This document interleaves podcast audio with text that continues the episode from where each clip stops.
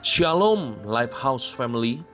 2 Samuel 16 ayat yang ke-13 Demikianlah Daud melanjutkan perjalanannya dengan orang-orangnya.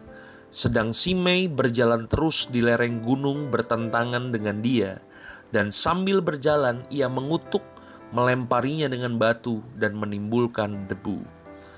Lifehouse Family Pelarian Daud dari Absalom jelas merupakan masalah besar bagi Daud Ternyata hari itu ada masalah lain yang datang menimpa melalui seseorang dari kaum keluarga Saul yang bernama Simei. Simei mengutuki Daud sebagai penumpah darah keluarga Saul. Padahal Daud tidak pernah secara langsung menumpahkan darah keluarga Saul. Maka para pengikut Daud kemudian membelanya dan di sinilah kita melihat kebesaran dari hati Daud Bukan hanya Daud melarang anak buahnya membalaskan kutukan Simei kepadanya. Ia malah membuka dirinya kepada Tuhan. Daud sadar dirinya tidak luput dari kesalahan masa lalu.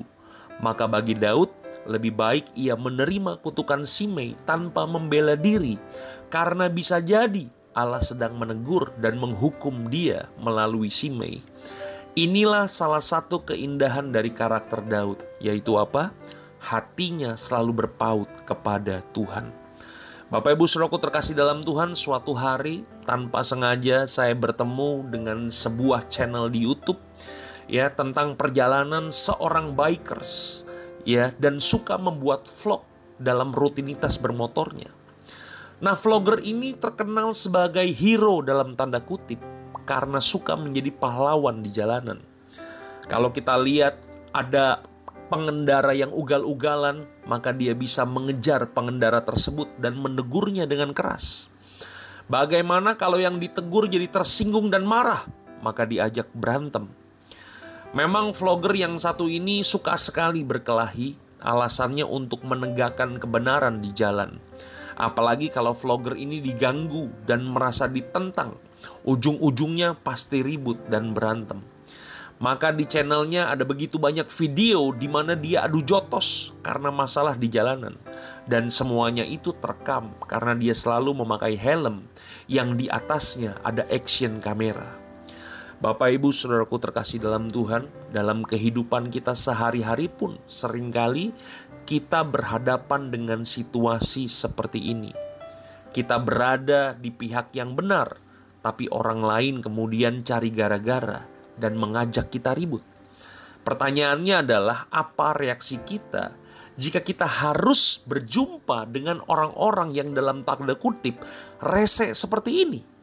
Ya, belajarlah untuk menanggapi dengan bijak.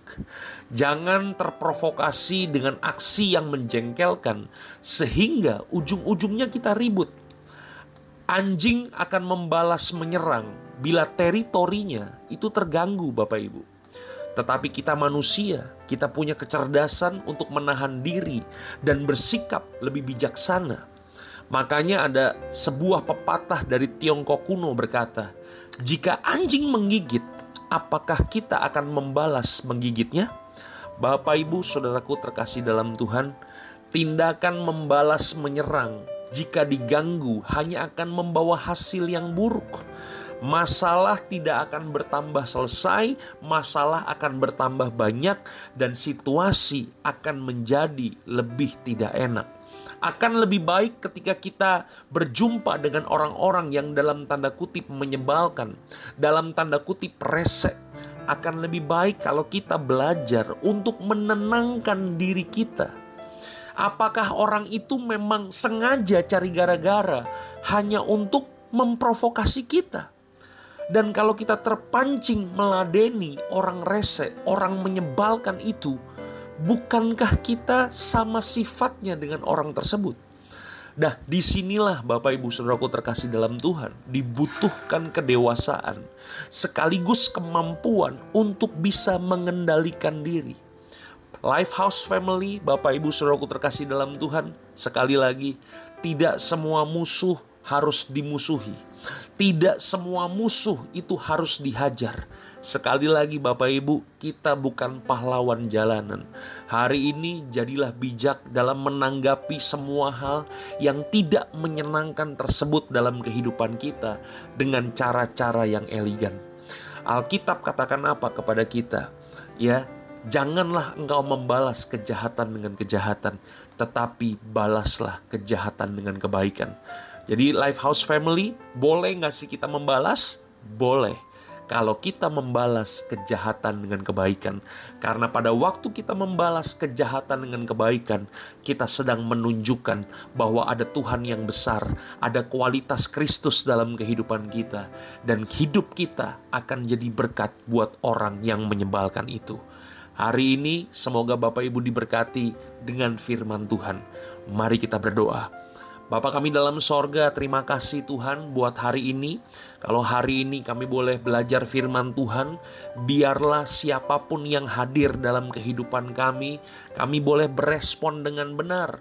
Kami boleh boleh terus belajar menenangkan diri kami dan menanggapi semuanya dengan cara-cara yang bijaksana. Terima kasih ya Bapa, berikan kedewasaan, berikan kemampuan kepada kami untuk mengendalikan diri kami dan muncul sebagai pemenang dalam kehidupan.